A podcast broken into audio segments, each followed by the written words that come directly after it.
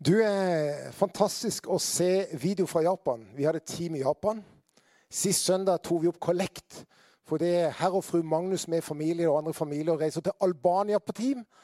Eh, takk for 16 000 kroner som kom inn i kollekt forrige søndag, 14 dager siden, til team til Albania. Eh, takk for gave til M4.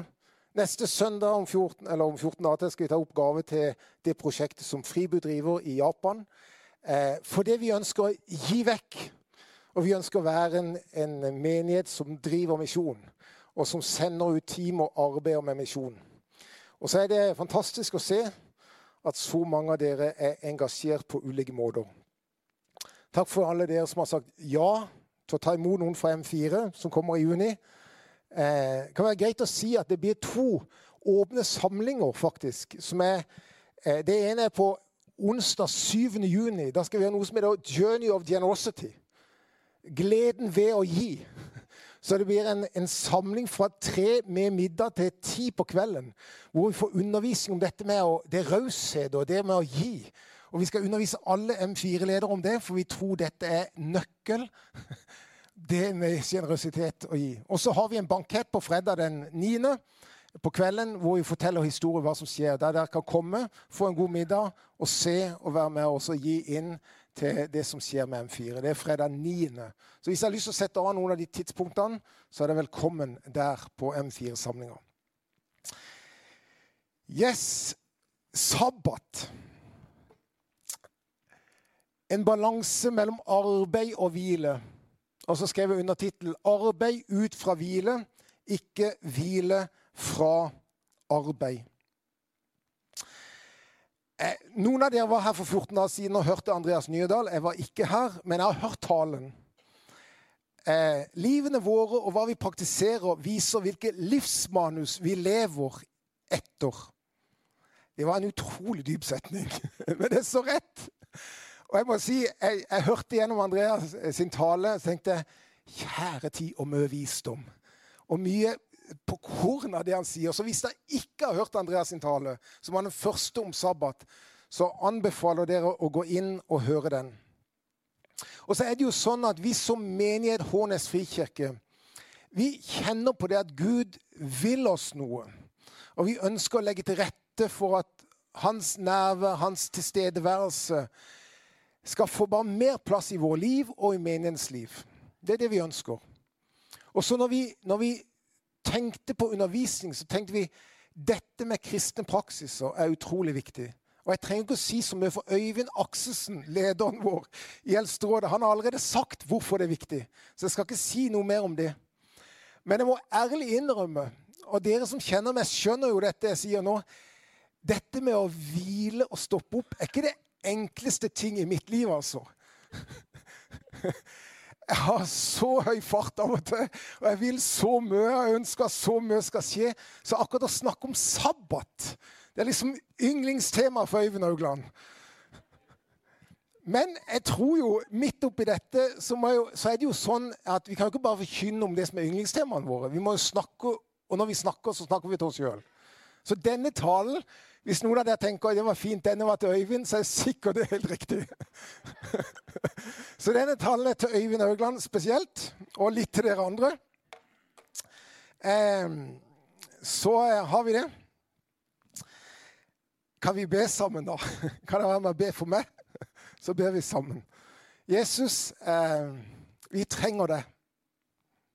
Vi trenger det inn i våre liv. Vi trenger det i våre relasjoner. Vi trenger det i våre ekteskap, i våre familier. Vi trenger ditt nærvær. Vi trenger din kraft, din visdom, din ledelse. Vi trenger deg, Gud. Så kom her nå og tal også gjennom dette ditt ord i Jesu navn. Se om det funker. Det gjør det.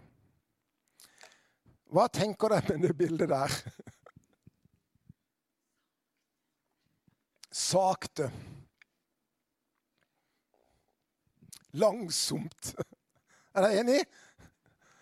Og Det er av og til noen som har sagt at den som i framtiden våger å gå langsomt, vil være framtidens sannhetsbærer. Ordet sannhet, all feia, alle feia, på gresk betyr ikke glemme. For det er bare den som stopper opp, som setter ned tempoet, som ikke lenger legger seg under for dagens samfunnskrav til produktivitet, effektivitet, konsum, forbruk, opplevelse, mer opplevelse, mer opplevelse, mer stimuli, som kanskje er den største trusselen for sannheten. De som våger å stoppe opp for det er jo sånn at når ting går for fort Har du merka det? Jeg har merka det veldig mye. Da begynner jeg å glemme. Jeg det, når hurtigheten og tempoet blir for høyt, så begynner du å glemme. For du klarer ikke å liksom få det synka inn. Men når du stopper opp, så får ting mer dybde. Og det er jo sånn at det som er utfordring, det er dette. Ofte er det sånn at når endringstakten eller forandringene og valgmulighetene øker, noe som har økt enormt de siste årene, også for den yngre generasjonen Vi hører jo setningen 'De kan gjøre alt hva de vil'. Mulighetene er så store. Så skjer det noe. Kontinuiteten og forpliktelsen går ofte ned. Det vi tror er rett, det er ikke alltid så lett å holde på og holde seg til. Det er så lett å gi slipp på. Det er så lett og vanskelig kanskje å holde fast på. Eller som Bibelen sier av og til noen steder, å holde urokkelig fast på. Så derfor blir det en større utfordring å ta styringa når jeg har kjørt noen timer i bil i Sør-Afrika, ganske mange timer i bil og Da er det jo godt å ha en kopilot. Det er Linda. Eh, for vi hadde ikke sånn en GPS der, men vi har jo på telefonen, da. Men det er ikke lurt å si det. Det er ikke alltid, selv om jeg av og til gjør det. Å sitte med telefonen på kartet i den ene hånda og kjøre med den andre. Er, det, er i det? Det er ikke lurt. Nei. Eh, men da er det jo vi to som kan hjelpe å finne veien. Og av og til trenger vi jo faktisk det. Vi trenger to. Vi trenger flere, vi trenger fellesskap for å finne den veien, eh, som Øyvind også sa. Men det å ta styringa, både i eget liv og prioriteringer, er kanskje utfordringa. For vi må være så mer bevisst i dag på hva har verdi, hva har prioritet, og hva er faktisk praksiser som vi tenker skal være viktig i våre liv. Det er mer krevende enn kanskje for 30 og 50 år siden. For tempoet øker så mye. Og derfor var temaet forrige gang sabbaten en gave til deg som menneske. Og det er det jeg skal fortsette med. Men jeg skal snakke om sabbaten, balanse mellom hvile og arbeid. Der det starter med hvile. Og vi arbeider ut fra hvile. For Gud vil at vi i vår hverdag skal starte arbeid ut fra hans hvile, hans nåde, i fellesskap med han først. Eller som Bibelen sier, søke først Guds rike. Så gjennom de neste dagene, så er det resten av uka, så kan du faktisk se at Gud er til stede. Gud er trofast. Han gir det du trenger. Hvilen kommer først, for det gir oss hjelp til å ha fokus på Gud først. Og kanskje er dette det eneste punktet du skal huske fra denne talen. Det er at hvile kommer først. Hvile kommer først. Livet er en balanse. Men i Guds økonomi, i Guds på en måte overordna plan og godhet for det, så er ikke ordens rekkefølge likegyldig. Hvile, så arbeid. Bare ta den.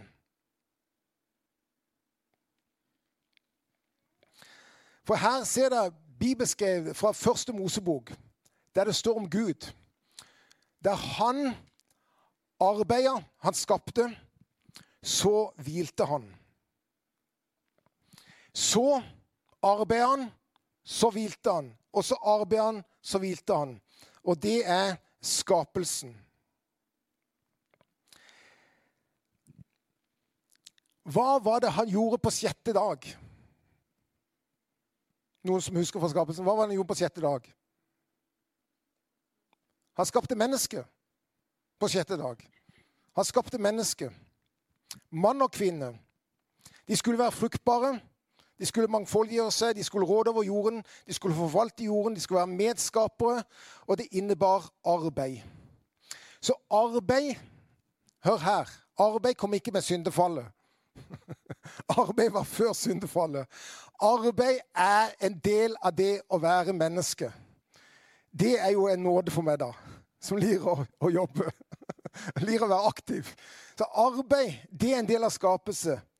Gud arbeider. Mennesket skulle arbeide.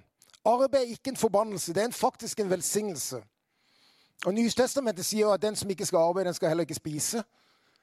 For det ligger noe nede i mennesket der vi skal faktisk ta ansvar og bruke våre evner og lære og forvalte og ta ansvar for den verden og det samfunnet og det nabolag og den arbeidsplassen på en god og positiv måte. og Det er Gud gitt. Arbeid er ikke negativt. Gud arbeider i seks dager. Arbeid er noe positivt. Så jeg vil ikke at vi skal gå ut her og tenke at arbeid er Arbeid er naturlig, det er gudskapt, det er villa, det er positivt. Det er å bruke dine evner til best mulig måte til å ære Han ved å gjøre et produktivt verk i, gjennom uka. Men menneskene ble skapt på den sjette dagen. Og vet du det første hva de gjorde på den syvende dagen? De hvilte. Så menneskene ble skapt på sjette dagen. Men på syvende dagen, som deres første dag, så hvilte de. Så for menneskene var det viktig for Gud å si at livet ditt starter fra hvile til arbeid. Ikke du utmatter deg, så kan du hvile.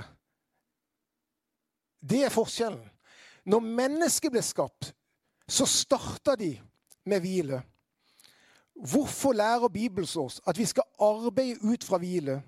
For Gud vil at vi i vår hverdag skal starte arbeid ut fra hans hvile, hans nåde, i fellesskap med han først. Da skjer det noe med våre prioriteringer og vårt liv. Du skjønner Vår produksjon, vår prestasjon, forbruk, jag etter mer vårt arbeid og hva vi kan få til Hvis det kommer først, så står vi i fare for det som Romerbrevet sier, som skjedde med menneskene. De begynte å dyrke det skapte framfor skaperen. Arbeid kan da fort bli en forbannelse som tar eierskap over våre tanker, tid, fokus, holdninger og ødelegger vår relasjon til vår neste. Vi begynner å leve for det vi eier og har, og ikke for Han som har gitt oss alt vi eier og har. Derfor prioriteringer. Hvile først, så arbeid. Hvile først, så arbeid. Eller for å si en annen balanse hvile, arbeid. Være først, så gjøre. Tro, så gjerning. Motta, så gi. Det er Guds økonomi. Derfor starta mennesket først med hvile. Så kom de seks neste dagene med arbeid. Og det håper dere husker fra denne talen. Livet er en balanse, men i Guds økonomi er ikke ordens rekkefølge likegyldig. Mennesket trenger å starte ut fra hvile, med fokus på Gud. Å være og tro og motta før en arbeider, før en presterer, før en gir. Det er essensen i hvorfor sabbaten var så viktig for israelsfolket og for oss i dag. Og Nå skal jeg gi dere en åpenbaring som jeg fikk, som jeg tror faktisk er bibelsk. Hvis ikke får dere teste det ut om den er det. Men det er denne. Poenget er jo at sabbaten er den eneste praksisen som blir bedt om å holde i de ti budene. For sabbaten sikrer to ting. Det ene er at når vi starter med hvile, så åpner det oss opp med fokus på Gud og elsker Gud, og ikke misbruker Hans ord, og følger Han. Men det åpner oss opp, opp også med et fokus På det andre min neste. For alle de seks andre budene handler om min neste. Det handler om mennesker. Så sabbaten, hvilen, påkoblinga sikrer oss og hjelper oss gjennom en praksis til å holde fokus på Gud, elske Han, og på våre medmennesker, tjene Han. Ser dere det? Så jeg har tatt frihet til å lage tre kolonner. To bud, ett bud, seks bud. Så kommer altså sabbatsbudet i midten. Og Det er jo litt som å høre Jesus som sier i forhold til Markus evangeliet kapittel 12. Jesus svarte, 'Det første budet er dette.' Hør, Israel, Herren vår Gud, Herren er én. Gud, Når det står at Herren er én, så betyr Gud er herre over alt. For inni konteksten av israelsfolket så var det sånn at de hadde én Gud for jobb, én Gud for seksualitet, én Gud for penger, én Gud for eller penger, dvs. Si, dyrke marken, markens grøde. Én Gud for alle typer livets områder. Og så sier Gud nei, nei, nei. Vekk med alle de andre gudene. Alt det andre du gir sterk oppmerksomhet. Én Gud, herre over alle livets områder. Økonomien din, ekteskapet ditt, jobben din, fritida din, tida di, herre overalt. Én Gud, herre overalt. Og så sier han dette på dette. Og du skal elske Herren i Gud av hele, hele, ditt hjerte, hele din sjel og hele din sinn og av all din kraft. Det andre er dette du skal elske din neste som deg selv. Ikke noe annet bud er større enn disse. La oss gå tilbake til budene. Når budene ble gitt Sabbat er et helt annerledes bud, som gir hjelp til å holde alle de andre budene. Sabbaten er den eneste praksisen som ble gitt til jødefolket.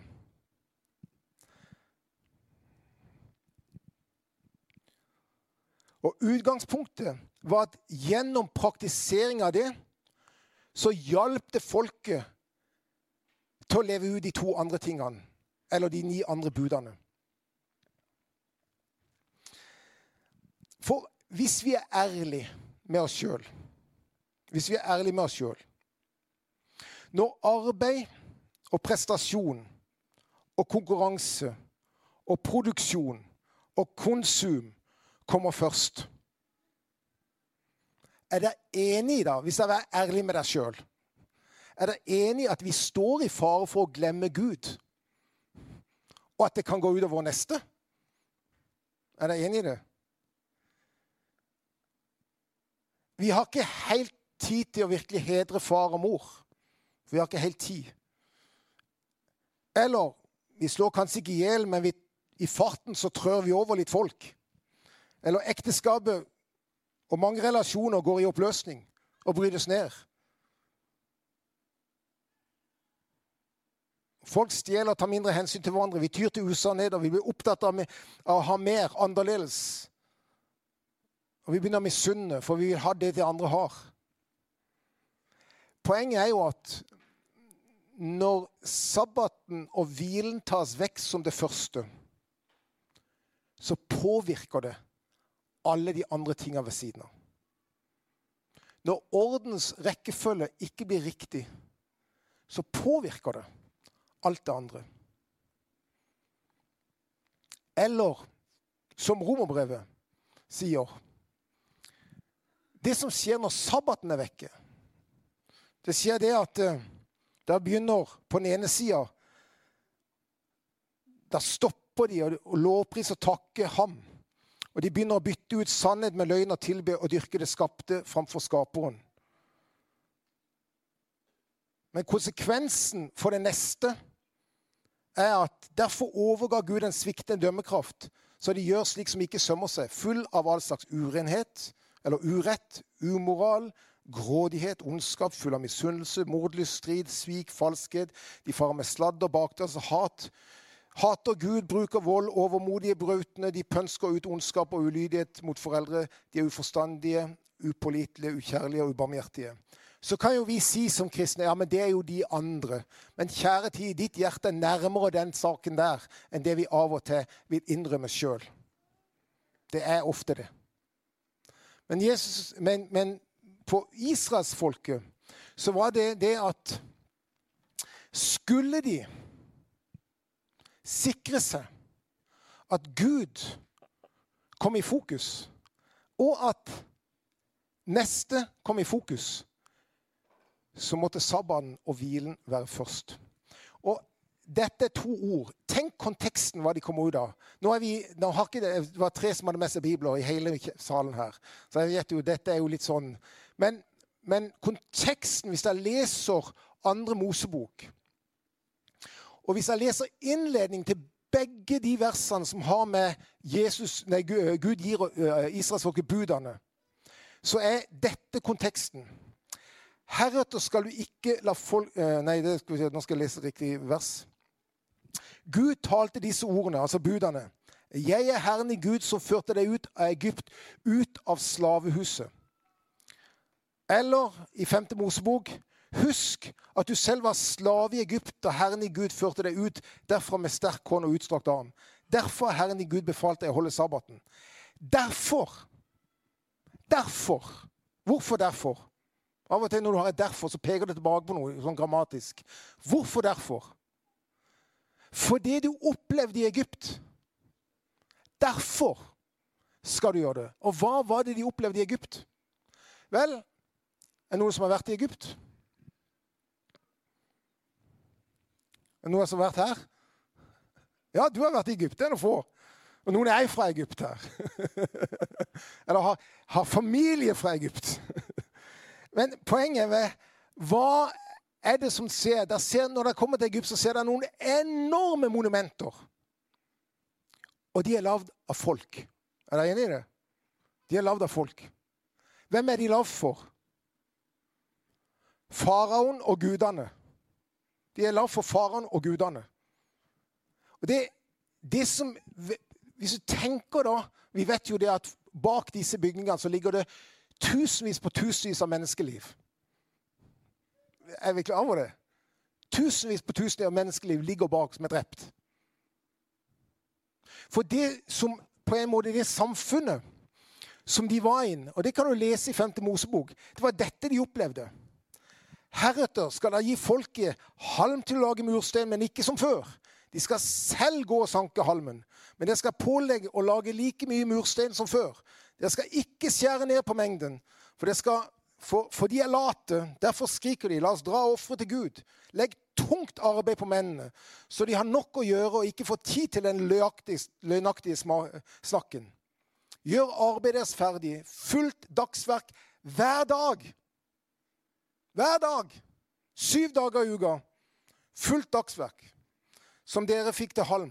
Og Oppsynsmennene og farens slavedriver hadde satt over israelittene ble slått. Slavedriveren sa, 'Hvorfor har dere verken, har dere verken i går eller da fått ferdig det fastsatte mengden av mur?' Det var et kontinuerlig arbeidspress. Kontinuerlig arbeidspress hele tida, syv dager i uka, for de skulle tilfredsstille noe. Det er en som har sagt det, en, en av forfatterne som har lest han sier sabbatensbudet er direkte linka til fortellingen om frigjøret fra slaveriet i Egypt. Gud som hviler, er den Gud som frigjør fra slaveri. Og følgende, og følgelig fra Egypts arbeidssystem og fra Egypts guder, som krever legitimitet krever og legitimerer det arbeidssystem som kontinuerlig krav til produktivitet, effektivitet og arbeid. Eller for å si det sånn dette var det de levde under. De mange gudene og farao la krav og byrder på hele befolkningen. De var slaver. Det var aldri sted og tid for hvile.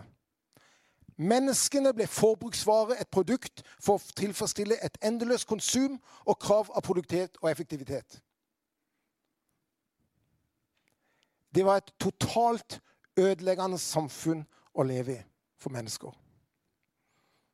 Og så kommer Gud inn. Og så sier han dette. Dette er ikke min plan. Dette er ikke min design. Min økonomi er annerledes. Det starter med hvile.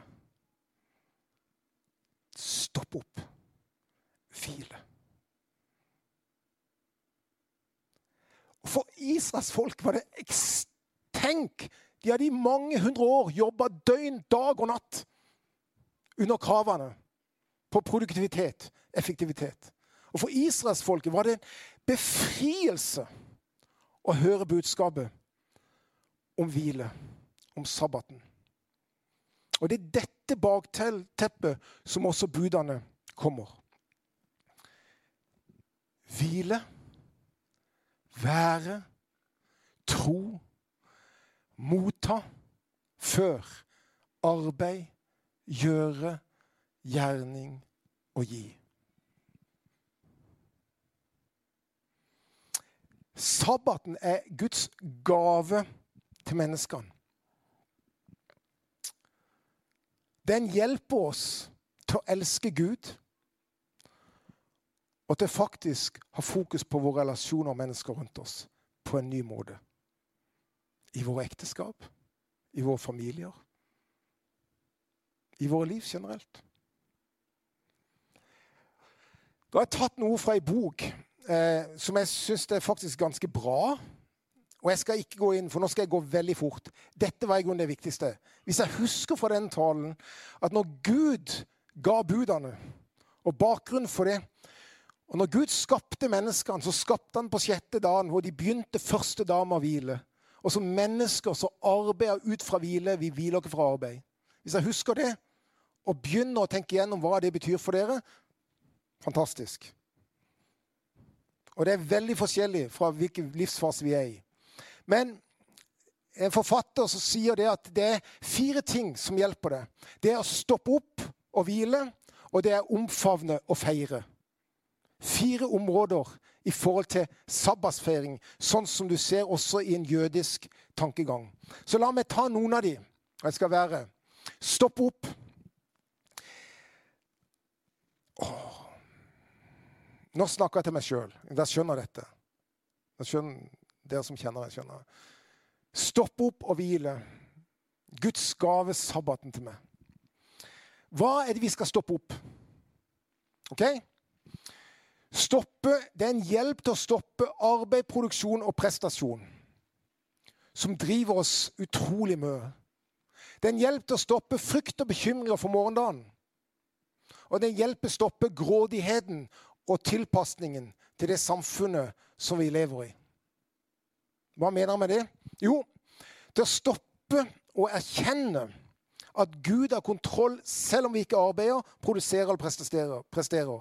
Han har kontroll over alles liv og områder. Han er herre overalt, og du lever i og hans nåde. Det er begynnelsen. Og Jeg har sagt og sa det tidligere i talen, at grace is the deepest place of rest. It's a place where you don't need to pretend, perform or defend. For du arbeider ut fra nåde og hvile. Da blir arbeidet annerledes. Og jeg, jeg, jeg, jeg må være ærlig med dere. Jeg jobba og kjempa med meg sjøl her. For på en måte så er jeg ikke god til å ha den rytmiske hvilen. Men skal jeg være helt ærlig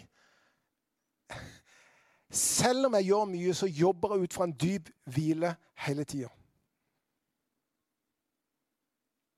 For jeg har ingen behov for i grunnen å prestere eller på meg. Jeg, eier ikke det en holder på med. Det er Guds. Jeg trenger ikke forsvare noe. Jeg trenger i dypest sett ikke prestere noe. For det er Guds hvile og nåde som en jobber ut fra. Og så trenger jeg å jobbe med disse rytmene. Absolutt. Definitivt. Nå skal det sies at dette er et bilde fra Spania. Linda og jeg gikk Caminoen for noen år siden, i 2018. Det var den tredje lengre sabbatsreisa vi hadde. For vi hadde tre måneder av i 2000. Nå har jeg slutta som pastor i Hånes frikirke første gang.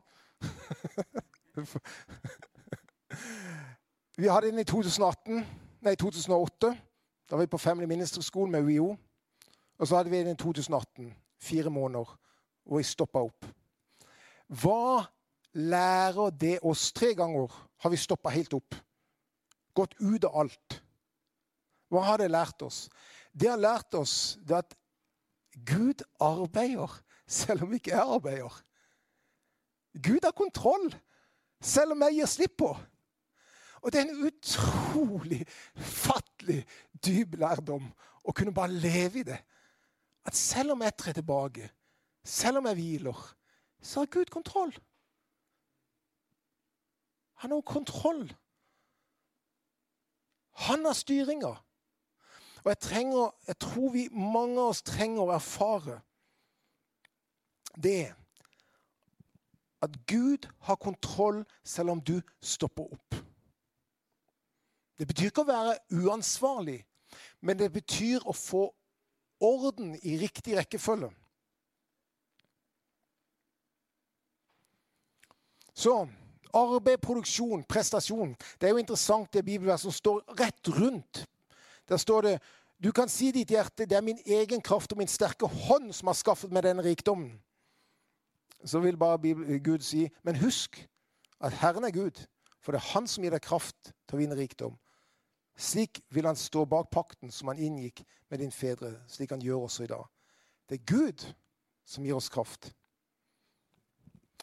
Det er jo eh, noe med frykt og bekymringer. Jeg vet ikke om du har noen bekymringer, men jeg har det av og til. Og sabbaten er ikke en flykt fra problemer, en flykt fra frykt og bekymringer, men en mulighet til å motta nåde for å møte dem. Det er som eh, vi lærer jeg sier dere, vær ikke bekymra for livet, for hva dere skal spise, hva dere skal drikke. Vær ikke bekymra. For Gud, han ser det. Og sabbaten å stoppe opp hjelper oss til å legge av disse bekymringene og bli møtt av Guds nåde der.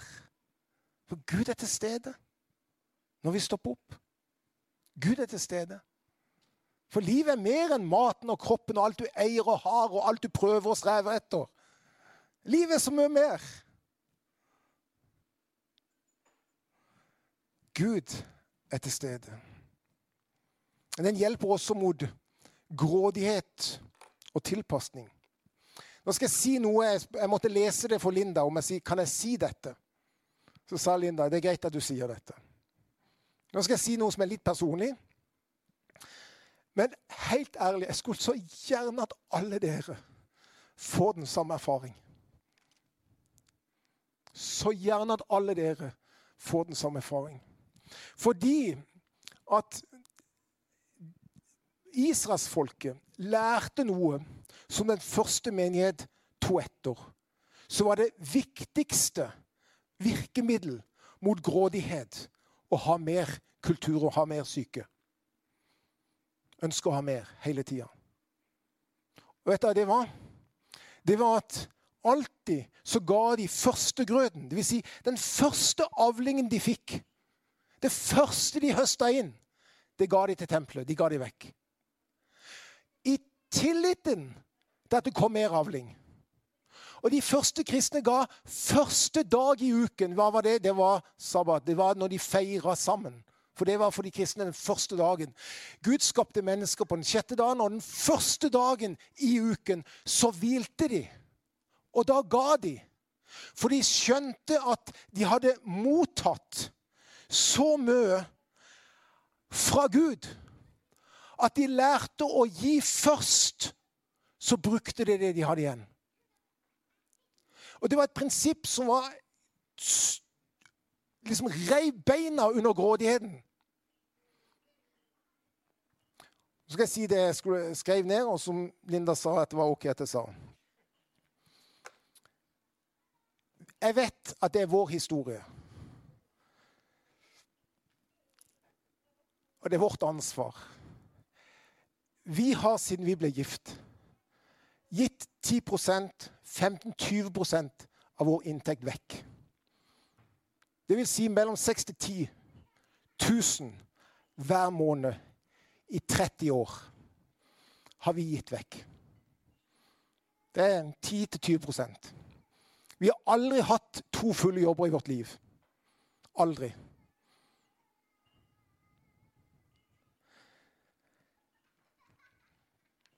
Vi har alltid gitt vekk før vi vet hva vi har å bruke. Jeg har styrt, og jeg har ganske god kontroll på økonomi. Jeg lir å ha kontroll. Eh, så jeg har ganske god oversikt.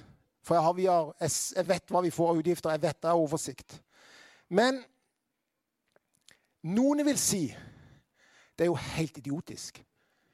10 000 over 30 år hver måned. Tenk gjennom, Øyvind. Og dum kan du være. Og dum kan du være. Men vet du Vi angrer ikke ett sekund. Og vi kommer til å fortsette å gjøre det. Vet du hvorfor? For jeg tror det er Guds økonomi i våre hjerter mot vår egen grådighet. Det er Guds økonomi i våre hjerter, mitt hjerte, mot min egen grådighet. Jeg sa det til Erna. Vi har lært den siste måneden Vi har vært i Sør-Afrika. Og vi har lært å måtte ta imot sjenerøsitet. Det er av og til vanskelig. skal jeg være helt ærlig. I løpet av én måned i Sør-Afrika klarte vi å betale fem overnattinger. Resten ønska folk å gi til oss. Det er Guds velsignelse for oss.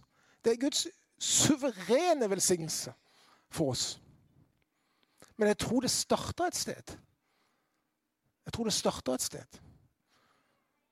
Jeg tror det starta når vi bestemte oss som nylig ektepar, 23 år gammel, og sier vi skal følge det prinsippet. Vi skal gi, og vi skal gi raust. Og så er jeg så ufattelig glad for vi har vært med og investert inn i en menighet her. Vi har vært investert inn i mennesker i misjon, hvor liv er blitt forandra, og Guds rike har gått fram. Og til slutt så er det ikke så mye annet enn det vi kan ta med oss videre. Ja, jeg ønsker å forvalte på en god måte, så at mine barn har noe igjen etter meg. Jeg ønsker det også. Absolutt. Og det er absolutt legitimt å gjøre det. Men Gud i alt har vært utrolig trofast. Og Gud i alt forsørger oss når vi følger hans prinsipper. Og de første kristne, de ga først. Og de søkte Guds rike først. Og sabbaten var den første dag i uken. De hvilte først. Så arbeida de. Hvile Jeg skal ikke si noe om det, for det er så veldig forskjellig fra oss. Hvordan hviler vi? Det Er, men hvile handler om åndelig, fysisk, emosjonelt, intellektuelt, rytme og rammer. Hvordan hviler du? Hva betyr det for deg? Og Jeg vil utfordre dere i gruppene der dere er, og så sette deg ned og snakke sammen om hva det betyr. Hvile er ikke passivitet. Det er ikke passivitet. Og jeg har min måte å hvile på, og dere må finne deres. Så Gud stopper For å elske Gud så må vi stoppe å hvile. Og så skal jeg gjøre bare på to minutter omfavne og feire. For jeg skal ikke si så mye om det. Jeg har ikke planlagt det. Men det handler også om omfavne og feire. Det handler om intensjonalitet. Vi må gjøre dette sammen. Det handler om sjenerøsitet og takknemlighet. Om relasjon og fellesskap. Og Jeg har et lite ordtak. Dette er ordtak fra Øyvind Augland. Dere kan sitere det hvor dere vil. Men den som går alene, går ofte feil. Den som går sammen, finner veien. I dette spesielt så tror jeg den som går sammen, finner en vei. Men hvis du prøver å jobbe og gjøre alt dette alene, så tror jeg det er vanskelig å finne veien. Jeg tror sammen kan vi finne en vei i forhold til dette. Og jeg skal gi dere en sånn en. Det får dere ut. Når dere er i gruppene dere, og reflektere hva betyr det for ditt, hva er din rytme i dette. Hvordan starter du uka med hvile, og at arbeid kommer ut fra hvile og ikke arbeid? Hva er din ukesrytme eller månedsrytme eller kvartalsrytme eller lang? Akkurat som vi har i over, over 30 år har vi tatt tre stopp, sabbatical. Stopp Folk trekker oss tilbake. Hva er din rytme? Hva er viktig for deg? Hvordan hviler du? Og jeg har lyst til å bare si det, Dette er vårt, vårt bilde. Vi ønsker å være en menighet som har fokus på barn og unge. Men rundt det så tror vi skal ha et generasjonsfellesskap, og vi skal ha grupper, utvida familier. Disse utvida familiene Det er kjernen og basisen i hva vi ønsker. Og sabbatsfeiringa var ikke en egoistisk eller en bare en samling av din egen lille familie ofte. Det var også av fremmede og innvandrere og farløse og enker og andre. Fordi sabbaten var det stedet der produktiviteten, effektiviteten, konkurransen og alt var lagt til side. Der var du på lik linje uansett hvilken status du hadde. For alle trengte å starte med hvile. Du var på lik linje. Og rundt sabbatsmåltid eller sabbatsfesten så starter du på lik linje. Og vi ønsker at alle skal få lov til å være med en del av et mindre fellesskap. Være med i en del av gudstjenestefellesskap som her. Og så tror vi det er viktig med feiring og fest. Og det er det siste, og jeg skal ikke si så mye om det, for nå skal jeg avslutte. Og det er der. Husk dette. Mennesket ble skapt sjette dag. Og det første de gjorde, var å hvile. Og livet vårt starter fra hvile, fra å være, fra tro og motta. Ikke fra arbeid og gjøre og gjerning og gi. Og hvordan starter din hverdag? Og hvordan lever du sabbatslivet ut i din hverdag? Og finner hvilepunkt. Der du knytter deg til de to første budene å elske Gud, og de seks andre budene å elske de neste. Relasjonene rundt deg. Sikre at de er gode. Og du følger de seks bud.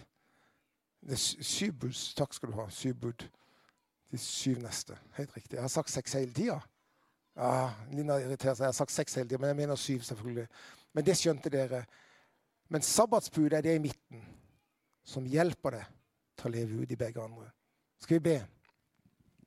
Jesus, Herre Jesus, hjelp oss bare til å leve i og være i sabbaten. Hjelp oss til å se hva det betyr for den enkelte. Hvilke endringer eller omvendelser i mitt liv Hvilke omvendelser i mitt liv eller den enkeltes liv hva det betyr, Herre. Vi trenger det. Vi trenger hvile. Vi trenger å stoppe opp. Vi trenger deg, Gud.